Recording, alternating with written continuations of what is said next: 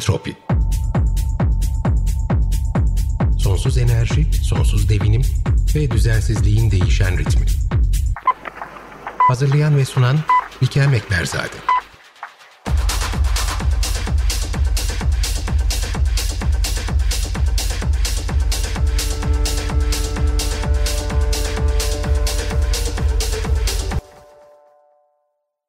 Ekosistem parçalanması birbirinden beslenen dinamik sistemler arasındaki bağlantıyı koparan, sistemleri eskisine oranla izole eden ve kırılganlıklarını artıran bir süreci tetikleyen faktörler arasında gelir.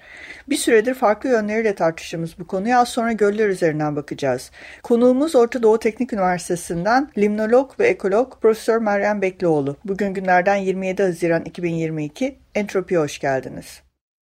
Meryem Hocam hoş geldiniz. Siz limnologsunuz ve çalışmalarınızı ağırlıklı olarak karadaki sucul e, ekosistem yani tatlı su ekosistemleri üzerine yürütüyorsunuz. Aslında ekologsunuz ve dolayısıyla bir ekoloji perspektifinden bakıyorsunuz olaylara, sistemler perspektifinden bakıyorsunuz. Biz bir süredir entropide ekosistem parçalanmasının sisteme nasıl zarar verdiğini ve daha doğrusu değişmesi konusunu tetiklediğini e, ve özellikle de sistemin dayanıklılığını yani resilience kavramının nasıl etkilendiğini konuşuyoruz. Burada tatlı su ekosistemleri, karadaki sucul ekosistemler çok kritik bir yer tutuyor. Çünkü neticede karasal ekosistemlerin onları etkileyen ana komponentlerden bir tanesi hidrolojik döngü. Şimdi bugün size biraz genel bir perspektiften başlayıp e, biraz daha karadaki tatlı su ekosistemlerini de içine alan ve karadaki ekosistemsel parçalanmaların onları nasıl etkilediğini masaya yatırmak istiyorum. Ben mikrofonu size vereceğim. Bu konu uzmanı sizsiniz. Sahayı da çok iyi tanıyorsunuz. Aynı zamanda çok e, geniş saha tecrübeniz var. Aynı zamanda ODTÜ'de yürüttüğünüz bir de e, uzun soluklu ekosistem monitoring yani izleme projeniz de var. E, izleme ve restorasyon projesi.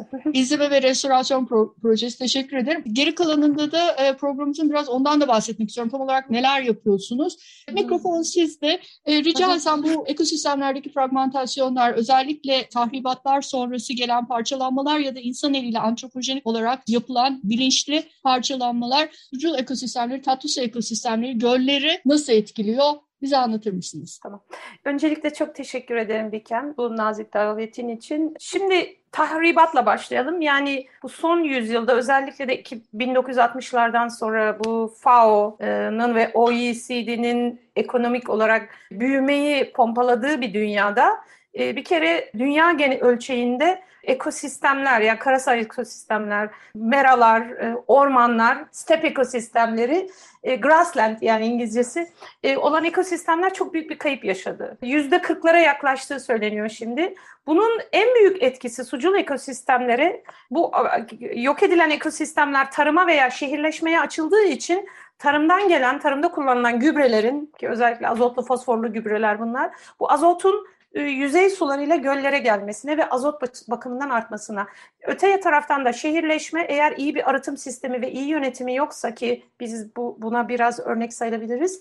Fazla miktarda fosfor gelmesine neden oldu. Azot ve fosfor artınca çünkü bu azot ve fosfor e, ekosistemler eğer bozulmamış durumdaysa fosfor zaten en üretimi, birinci üretimi limit eden elementtir, besin tuzudur. Bu ikisi artınca bir kere besin ağını çok ciddi bir şekilde bozmaya başladı. Birinci üreticilerden bu bitkisel suda yaşayan mikros, mikroskobik planktonlar artarak suyun içinde büyüyen o bitkilerin falan azalmasına, onunla birlikte yaşayan bir sürü omurgasız balık canlı türünün azalmasına ve tüm olarak da biyoçeşitliliğin azalmasına bu da aynı zamanda birinci üretimin sadece bitkisel planktonlarla yapıldığı için hızlı bir parçalanma, hızlı üretim, hızlı parçalanma sonucu daha fazla sera gazının atmosfere verilmesine neden oldu. Oysa göller birinci üretimi ağırlıklı olarak su içi bitkileri tarafından olduğu zaman da su içi bitkilerinin e, büyüme ve ölme saykılları, döngüleri bir yıl, iki yıl. Bu da onların yavaş yavaş parçalanmasına neden olduğu için e, çok fazla bir sera gazı etkisi olmuyordu. Ortaya çıkan karbon da zaman içinde sistemin içinde kullanılabiliyordu. Yani allopatik bir üretim oluyordu. Ama şu an dışarıdan gelen bu aşırı azot fosforla karbon salınımı arttı. Bu ekolojik kıymetleri azaldı. İç suların, göllerin, nehirlerin, pontların hatta gölcüklerin. Çünkü artık siyanobakteri dediğimiz bir grup aşırı artmaya başladı. Bu siyanobakteriler de Özellikle küresel ısınmayla birlikte birleşince sıcaklıkların fazla olduğu ve suların meteorolojik olarak çok durgun olan havalarda yüzey filmlerine oluşturup bu yemyeşil suya dönmesi sanki birisi gelip gece boyamış gibi. E, bu tabii hem toksin üretiyor hem büyük koloniler oluşturduğu için suyun içindeki diğer bununla beslenen canlıların beslenmesini engelliyor hem de toksik olduğu için beslenmesini engelliyor. E, ve suların, göllerin ekolojik ve koruma değerini, biyoçeşitlik, biyoçeşitlik değerini çok büyük ölçekte düşürdü. Özellikle Türkiye'de şu an mesela son günlerde yaşadığımız bu aşırı durgun ve sıcak havalar ve akşamüstü yağan yağmurlar var ama ancak çok ciddi bir meteorolojik şey de var. Yani durgun rüzgarın az olduğu dönemde birçok gölden siyanobakterlerin artış haberlerini duyuyoruz. Mesela bizim Eymir'de de e, biz göl amiri aradı beni. Hocam yine o yeşil şeyler çıkmaya başladı. Gittik örnek aldık. Siyanobakterler ve bu dünya ölçeğinde de böyle. Yani bu bu suyu siz içemezsiniz. Bu suda balıkçılık yapamazsınız. Sulama suyu olarak kullanamazsınız. İçinde biyoçeşitlilik az üstüne üstlük bir de daha fazla metan ve karbondioksit salınımını sağlayan bir şeye dönüşüyor. Bunun en büyük nedeni arazi kullanımı ve arazi kullanımı ile birlikte gelen fazla azot ve fosfor. Azotu fosforu azaltsak bile çünkü ısınan bir dünyadayız. Birinci üretim şöyle bir şey. Biz aynı azot fosfora 2 derece daha sıcak olduğunda sıcaklık çok daha fazla birinci üretim oluyor. Bu birinci üretim tamam iyi bir şey gibi düşünebiliriz ama böyle dediğim gibi bu siyanobakterler, toksin üreten zehirli algler artıyor. Artı bir de bunlar hızlı parçalanmaya başladığı için sistemde oksijeni tükettiği için balık ölümleri ve diğer canlıların ölümlerine neden oluyor. Bir de atmosfere metan gazı salınımı oluyor. Bu da tamamen yani ekolojik olarak istemediğimiz bu duruma dönüşmüş oluyor. Burada Türkiye'de yapılacak en iyi şey tüm belediyelerin, tüm küçük birimlerin, iller, ilçeler hatta çok daha köy ölçeğindeki birimlerin kullandıkları gübre ve kanalizasyondan gelen atıklarını, arıtılmamış atıklarını, arıtılmış bile olsa. Çünkü o zaman da inorganik fosfor ve azot geliyor. Arıtılmamış da organik geliyor, daha oksijeni hızlı tüketiyor. Gölleri bir deşarj alanı olarak görülmemesi gerekiyor. Bu, bu tamamen yanlış bir şey. Yani bu gerçekten kabul edilemez, korkunç bir şey. Karalardaki tatlı su miktarını düşünürsek dünya ölçeğinde kaç milyar insanın ve karada yaşayan tüm canlıların buna bağlı olduğunu hayatımızın tek su kaynağımız o ve denizden tatlı su elde etmesi, ayrıştırması çok da pahalı bir teknoloji olduğu için dünyanın büyük bir kısmı buna ulaşamıyor. Ve bu ne kadar bindiğimiz dalı kesip kesen bir Nasrettin Hoca fıkrasına dönüştüğünü lütfen unutmayalım.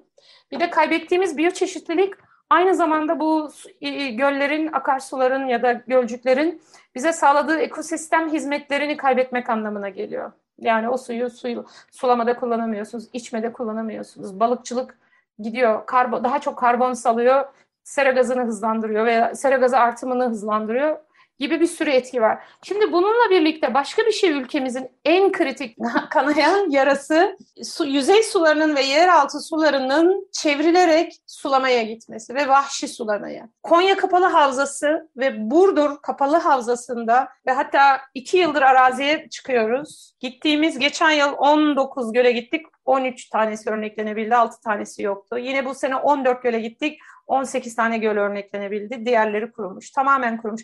Ve bu kurumuş göller öyle 2 hektar, 10 hektar ya da 1 kilometre değil 100 kilometreye kadar büyük olan sığ göllerden bahsediyorum. Yani biz bulunduğumuz coğrafya olarak göllerimiz hem büyük hem de sığ. Bu da yüzey alanı çok geniş olduğu için buharlaşmayla e, kaybolmalarının çok hızlı olabileceğini söylüyor. Hatta şöyle bir anımız bile var.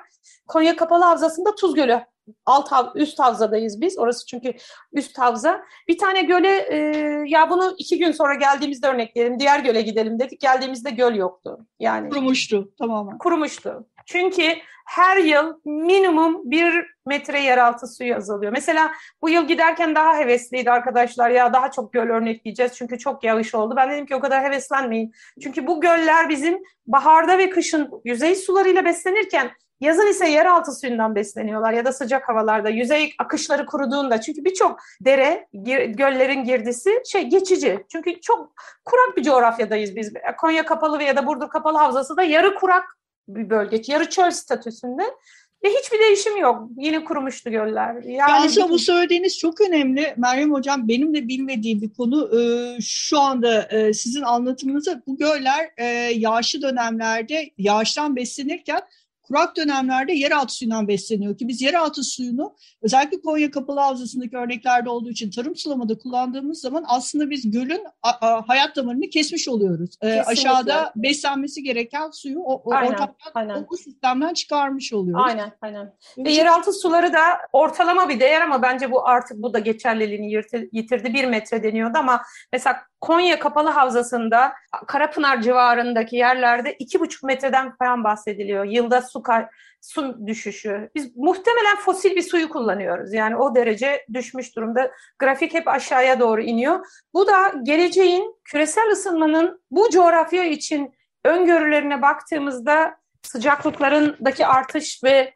IPCC'de yayınlanan genel bir modele göre Akdeniz Havzası'nda İspanya ve Türkiye gibi ülkelerde yüzey su akışlarında yani surface runoff water dediğimiz yüzey akışlarında yüzde 30 ila 40 bir azalma bekleniyor. Ya biz daha hani o daha kurak ve daha kuru bir senaryonun içinde henüz o kadar değil olmayabiliriz. Gerçi nerede olduğumuzu da bilmek çok zor referans evet. olarak. Evet ama projeksiyonlar bunların hani önümüzdeki yıllarda daha artacağını söylüyor. Dolayısıyla daha kurak günlere gitmeden bu kadar saçmamız suları ve saçma bir şekilde sulama yapmamız gerçekten yani geleceği gıda krizinin arttığı bir dünyada geleceğimizi karartmak anlamına geliyor. Oysa biliyoruz yani bunu herkes söylüyor. İsrail'de tarım yapıyorlar yani damlama suyla ürünün üstüne damlatarak biz ise hala su bedava olduğu için bu kadar ucuz bir kaynakmış gibi muamele gördüğü için maalesef halbuki çok kıymetli bir kaynak salma suyuyla sulama yapılıyor. Yani bunun ciddi bir şekilde değişmesi lazım. Şimdi ve gelecekteki hayatımızın sürdürülebilir devam edebilmesi için. Şimdi bu hidrolojik bağlantının kopması da başka bir açısı. Koparken ne oluyor? Göller yavaş yavaş yüzey alanları küçülüyor. Bu konuda geçen yıl ve bu yıl yeni makalelerimiz çıktı iki tane. 40 yıllık uydu görüntülerine baktık göllerin. 40 yılda nasıl değişmiş bunlar? Hepsinde küçülme var, bazıları tamamen kaybolmuş. Küçülürken tuzlanıyorlar. O yüzden yeni büyük bir projemiz var. Tuzlanma ekosistem yapısını yani o içindeki o kompozisyonu, çeşitliliği, biyoçeşitliliği, e, fonksiyonlarını mesela ne kadar birinci üretim var, ne kadar sera gazı tutuyor ya da ne kadar ikinci üretim var, trafik ilişkiler nasıl gibi onları e, artı biyoçeşitliliği nasıl etkiliyor, ekosistem hizmetleri nasıl etkiliyor diye tuzlu gölleri çalışıyoruz şu an. Yani bu son çalı, arazi çalışmalarımız gösteriyor ki onlar da kurumuş, birçoğu kurumuş durumda. E, bir, bir açısı bu su, yeraltı suyunun ve yüzey suyunun vahşi sulamada kullanılmasının bir açısı gölleri alanları küçülüyor kurumadan önce. Tuzlanıyorlar bir de ötrofikleşiyorlar. Bu demin size bahsettiğim siyonobakter hikayesi artıyor. Yani bütün ekolojik değerini kaybetmiş evet, oluyor. Burada aslında çok enteresan bir başka şeyden daha bahsediyorsunuz. Ee, sadece alanları e, küçülmüyor. Tatlı su kaynağı olan bir sistem tuzlu su kaynağına Aynen. geçiyor. Aynen, aynen. Ve onun içerisindeki e, aynı zamanda diğer canlılar da adapte evet. olamayanlar yok evet, oluyorlar. Evet, evet. E, adapte olanlar ya da belki de invazif e, işte bu siyanobakteri gibi belki daha ya baskın da türler. invazif balıklar, dışarıdan gelen bazı balıklar falan yaşayabiliyor. Çünkü evrim bildiğiniz gibi mikro değilse canlılar, mikro canlılar biraz daha hızlı, bir yılda, iki yılda hızlı bir adaptasyon göster gösterebiliyorlar. Birkaç jenerasyon geçirdikleri için jenerasyon zamanı kısa olan canlılarda bir iki yılda e, uyum gösterdiğini gösteren çalışmalar var ama hani balıklar gibi daha uzun dönemde yaşayanlar uyum sağlayabilmeleri mümkün değil. Tuzlaşma tuz, neden tuzlanıyor sorusunu belki araştırabiliriz. Şimdi bunlar sığ su, su geliyor. Su seviyesi düştüğü için suyun gölün ayağından akamıyor. Yani hani hidrolik bekleme süresi uzamaya başlıyor. Hı hı. Halbuki göllerin tatlı suların hidrolik bekleme süresi gölün say, e, büyüklüğüne, morfometrisine bağlıdır ama sık olmalıdır. Tuzlu göller hidrolik bekleme süresi uzadıkça su tuzlanmaya başlar. Çünkü Su gölden ayağından akmaz, buharlaşarak uzaklaşır. Böylece geride tuzlanmayı artırır. Tuz mineralleri konsantre olmaya başlar. Tuzlu göller böyle oluşmuştur ve bunlar kurak coğrafyadadırlar. Buharlaşmanın yağıştan daha çok çok daha fazla olduğu bir de çok düz bir arazidedirler. Yani hani su yayılır dümdüz mesela Konya Kapalı Havzası gibi yayılır. Tabii bir başka şey, faktörler de var. Jeoloji, volkan bilmem ne gibi faktörler de işte tuzlu, sodalı, alkalin, daha yüksek alkalin gibi çeşitlilikler yaratabilirler. Ama temel olarak böyle. E, bu da su seviyeleri düştüğü için göllerin ayaklarından akamayıp hidrolik bekleme süresi de uzadığı için tuzlanıyorlar.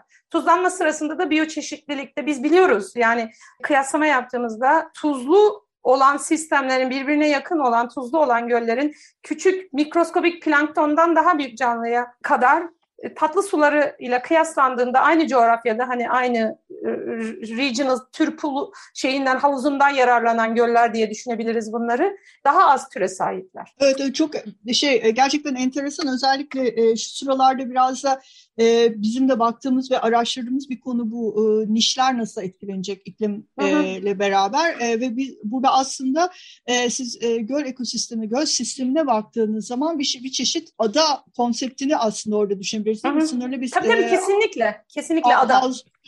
Havza içerisinde yer alan e, belirli sayıda canlı türleri e, ve bunlar zaman içerisinde sayıları farklı da daha doğrusu e, farklılıkların arasındaki sayılar nasıl değişiyor ve bu Aha. sistem nasıl daha kendisini devam ettirecek? Şimdi aslında biz burada iki tane şeyden bahsediyoruz. Birincisi e, dışarıdaki e, hem iklim değişikliğinin hem de antropojenik etkinin yani işte bu e, tarım arazilerinin genişlemesinin belki orada olan ormanların ya da bozkırların e, doğal evet. otlak alanların değişerek e, e, göllerin etrafını besleyen, sınırlarını oluşturan o ekoton dediğimiz bölgeleri belirleyen Hı. sistemlerin ortadan kalkarak daha insan eliyle modifiye edilen başka sistemlerin gelmesi ve insan eliyle farklı girdilerin bu sistemlere girmesinden bahsediyoruz. O birincisi. E, ikincisi de bu süreç zarfında biz bunu daha önce e, Sergey Prigozhin'in işte meşhur bu dissipated structures dediği hani bir ekosistemin hiçbir zaman için ölmediği ama farklı sistemlere değişti. İkincisinde de ondan bahsediyoruz. Tatlı su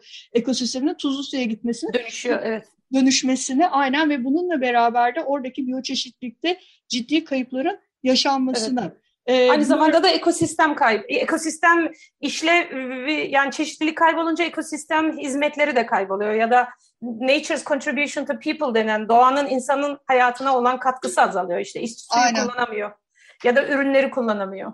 aynen ve aynı zamanda doğanın kendisine katkısı da azalıyor. Değil evet, Az önce evet, bahsettiğiniz aynen. gibi siyanobakterilerin e, emisyonlara aynen. olan katkısı vesaire gibi. Aynen. Hocam şimdi siz ya sizinle konuşacak çok fazla şey var. Bu göller konusunda da ayrı bir umarım ben program öncesinde sözümü aldım. Entropi bölümünde e, daha spesifik olarak belirli göller üzerinden hikayelerine de gireriz. Çok isterim. Hı-hı. Özellikle onları da ekolojik perspektiften e, sizin değerlendirmenizi çok isterim. Şimdi sizin ODTÜ'de aynı zamanda uzun süreli e, ekolojik gözlem yaptığınız e, bir de e, çalışmanız var. Biraz e, dinleyicilerimize ondan bahsedebilir misiniz? Bence çok önemli bir çalışma bu. Çünkü Türkiye'de bildiğim kadarıyla uzun süreli e, ekolojik gözlem çalışmaları arasında tek. Bir yani emsali var mı bilmiyorum. Öncesinde yok. var mıydı onu da bilmiyorum ama beni çok heyecanlandıran bir şey bu. E, biraz ondan onun detaylarından nasıl başladınız? Ne kadar süredir devam ediyor? Neler yapıyorsunuz? Bize bahsederseniz tamam. çok sevinirim. Çok teşekkür ederim Bikem Hocam. Özellikle sorduğunuz için bu soruyu. Çünkü bu yıl 25 yılını kutluyoruz. Yani quarter of a century. Çeyrek yüzyıl oldu. Tebrikler. Büyük olay. Süper. Ya Türkiye ee, için çok büyük bir olay. Çünkü evet, biliyoruz evet. başlanır, yarım kalır falan 25 yıl müthiş. Gerçekten. Evet ben biraz bilimsel olarak inatçı bir karakterim. Vazgeçmedim. Çok defa vazgeçmenin ucuna gelip vazgeçmedim. Türkiye'ye ilk döndüğümde başlamıştık ve bu Eymir ve Mogan gölleri, daha doğrusu Mogan ve Eymir gölleri ekolojik izleme ve restorasyon projesi ismi. Bir merkezimiz var Ekosam diye Ekosistem Uygulama Araştırma Merkezi. Şu an o merkezin projesi. Merkez aldı. Merkezin elemanları var benimle çalışan iki tane. Onlar bu izleme ve restorasyon projesini ediyor. Biz ne yapıyoruz? Mogan ve Eymir gölleri e, Ankara'nın güneyinde iki tane birbirine bağlı göl. Mogan Gölü Eymir Gölü'nden 3 metre daha yukarıda olduğu için su, su akışı Mogan Gölü'nden Eymir Gölü'ne oradan İmrahor Vadisi ince su Sakarya Nehri'ne bağlanıyor. Bu bir sistemin parçası. Eymir Gölü ot arazisi içinde ama ben başladığımda şu kavramla başladım. Göller havzasının aynasıdır. Havzasında ne oluyorsa göl yansıtır onu. Yani göller uzayda böyle bir uzay boşluğunda bir su kümesi değiller. O yüzden Moga, Eymir Gölü'nün en büyük havzası Mogan Gölü zaten. Su oradan geliyor. Birlikte olması gerektiğini düşündüm. İlk master öğrencimle başladık bunu. Çok küçük komik paralara. Şu an o parayla gidip herhalde bir e, Starbucks'ta kahve, kahve bile alamayabilirsiniz yani o kadar. o kadar. ya da belki de 3-5 kişi anca bir kahve içersiniz. Hatırlamıyorum bile yani. Gölleri besleyen derelerde ve göllerin içinde 25 yıldır örnek aldığımız istasyonlarımız var. Her 15 günde bir o istasyonlara gidiyoruz. İstasyonlarda işte besin tuzları, özellikle gölleri besleyen derelerde besin tuzları, alkalinite gibi bir takım, silikat gibi bir takım şeyleri ölçüyoruz. Göllerin içinde de her iki gölde de ön araştırmalarımızı yaparak istas farklı istasyon almamıza gerek olmadığını bulgulayarak iki tane ana istasyonumuz var. Bunlar hiç değişmedi. Hep 25 yıldır aynı istasyondan derinliğe bağlı olarak su alıyoruz. Aldığımız suyun içinde besin tuzları var. Yani fiziksel, kimyasal. Bir kere oksijen probuyla bütün o derinlikle ilgili ölçülen bütün o oksijendir, e, tuzluluktu, e, TDS'ti falan, pH'ydi gibi bir takım parametreler ölçüyor. Sonra onu istasyona, aynı istasyondan su kimyası için, besin tuzları ve diğer şeyler için örnek alıyoruz. Sonra biyolojik örnekler başlıyor. Klorofil A, fitoplankton için. Fitoplankton örneği alıyoruz, zooplankton örneği alıyoruz ve her yıl büyüme mevsiminin tavan yaptığı zamanda da su içi bitkilerinin kapladığı alanı, yüzde kapladığı alanı bir de balıklara bakıyoruz. Bu 25 yıldır devam ediyor ama aynı zamanda bununla birlikte 3 tane sanırım modelleme ayrı çalışması yaptık. Havza ölçeğinde SWOT modeliyle havzayı modelleyip sonra gölün içinde ne olacak ve öngörü modelde çalıştırdık. Yani gelecekte bu gölün şeyine ne olacak? Yerinde mezokozum deneyleri yaptık. Paleoekoloji karotlar alıp gölün geçmişine baktık her iki gölünde. Yani Eymir Gölü bizim için deneysel bir göl. Yani o göl benim ve öğrencilerimin, sadece araştırma öğrencilerim değil mi aynı zamanda derslerimi de alan öğrencilerin, ekoloji, tatlı su ekolojisi, uygulamalı tatlı su ekolojisi gibi bir sürü ders alan öğrencilerin laboratuvarı, yaşayan laboratuvarı. Hatırlarsınız belki geçmişte bizim e, bu gölümüzün Ankara Belediyesi geçmiş yönetimleri çok ODTÜ'den ayrılması konusunda çok uğraş vermişlerdi ama bizim bu araştırmalarla bunun bir araştırma laboratuvarı gibi olduğunu üniversiteye göstererek o, onu engelleyebilmiştik. O yüzden üniversite içinde çok kıymet verilen bir araştırma bu. Ee, biz ne öğrendik buradan mesela? Ne yaptık biz? Yıllar içinde biz bir kere şeyi öğrendik. Başladığında gölün, Gölbaşı kasabasının 20 küsur yıl evsel atık sularını aldığı için fosfor bakımından çok yüksek, suyu bulanık, ve ekolojik özelliklerini kaybetmiş ötrofik bir durumdaydı. Oysa 1940'larda yapılan bir araştırmayı bulmuştum ben. Orada ise çok fazla bitkinin bulunduğu, kara gibi ışık geçirgenliğinin çok yüksek olduğu göllerde yaşayan harika bir ekosistemmiş. Biyoçeşitlik açısından e, değeri yüksek. Çünkü bu evsel atık suyu zaman içinde fosfor artarak bu sistemin e, dinamiklerini bozmuş, trofik ilişkileri karıştırmış ve e, bir sürü trofik seviyeden de azalmalar olmuş. Sistem sazan gibi balıkların yaşadığı dipten dibi karıştırarak, dip çamını karıştırarak ve daha fazla fosfor salınımına neden olan balıkların yaşadığı böyle gri bir suydu. Biz bunu tespit ettikten sonra besin ağı teorisine dayalı trofik cascade denen yani besin ağının en üstündeki beslenen canlının etkisinin en alta etki gösterdiği hipotezine dayalı bir teorimiz var bizim trofik cascade hipotezi. Onu sınamak istedik. Onun teori, teori bu teorinin pratikte uygulanması biyomanipülasyon deniyor. Bu bir restorasyon tekniği. Ve göldeki bu e, dört trofik seviye olması gerekiyordu. Birinci üreticiler, birinci tüketiciler, ikinci tüketiciler ve tepede de avcı balıklar olması gerekiyordu. Oysa avcı balıklar azalmış. İkinci tüketiciler bu plankton plankton yiyen balıklar, sazan gibi balıklar artmıştı. Biz teori şunu söylüyor. Tepede dört seviyeniz varsa altta çok az birinci üreticiniz var. Ama eğer üç seviyeniz varsa onlar birinci tüketicileri yediği için birinci üreticiler artıyor diyor. E bir de suda azot fosfor da yüksekse bu zaten bu işte biraz önce anlattığım siyonobakterlerin, zehirli alglerin artmasına neden oluyor. Biz de bu balıkları azaltmayı önerdim ben üniversiteye. E, o zamanlar daha yeni çok gencim, çok ateşli Sazanları, sazanları, evet, sazanları, şey, evet, sazan popülasyonunu azaltmayı önerdim. Üniversitede kabul etti. İlk bir yıl azaltıldı. Sonra bir takım tartışmalar oldu. Neyse bir yıldan sonra durdu.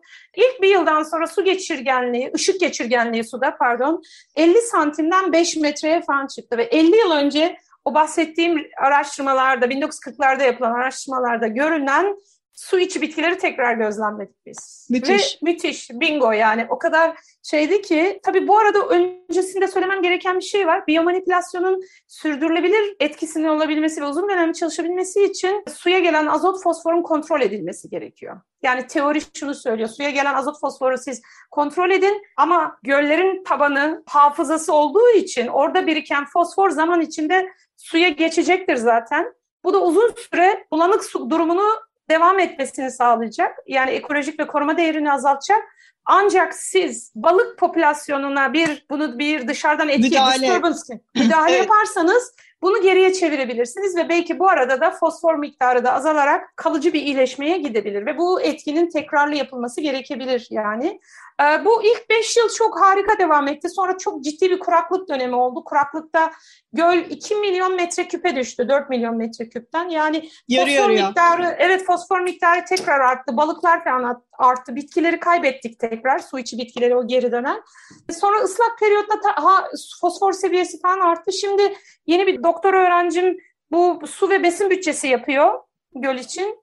O bittiğinde tekrar yeni bir biyomanipülasyona gitmeyi düşünüyoruz. Çünkü yaz aylarında durgun günlerde fosfor hala yüksek olduğu için şey artıyor. Siyanobakter aşırı artışları oluyor. Bu yani o ongoing devam eden bir restorasyon projesi. İzleme, izlemenin değerlendirilmesi, değerlendirdikten sonra da nasıl uygulamaya dönüştürebiliriz? Müthiş. Tamam, tamamen hani elde edilen bilgiye dayalı bir kararla evet, evet. hareket ediliyor. Çok güzel ekolojik, bir canlı bir de laboratuvarınız var süre zarfında değil mi? Evet, Hayatına tabii. şeyine tabii, daha tabii. doğrusu süresi devam eden ve sizin de bu sayede hem birçok şey öğrendiniz hem de evet, kesinlikle. E, yeni çalışmaları uygulama şansı elde ettiğiniz bir yer. Kesinlikle. Ee, gerçekten çok heyecan verici. Hocam sizle konuşacak çok çok fazla şeyimiz var ama entropinin saati vakti malum kısıtlı. Tamam.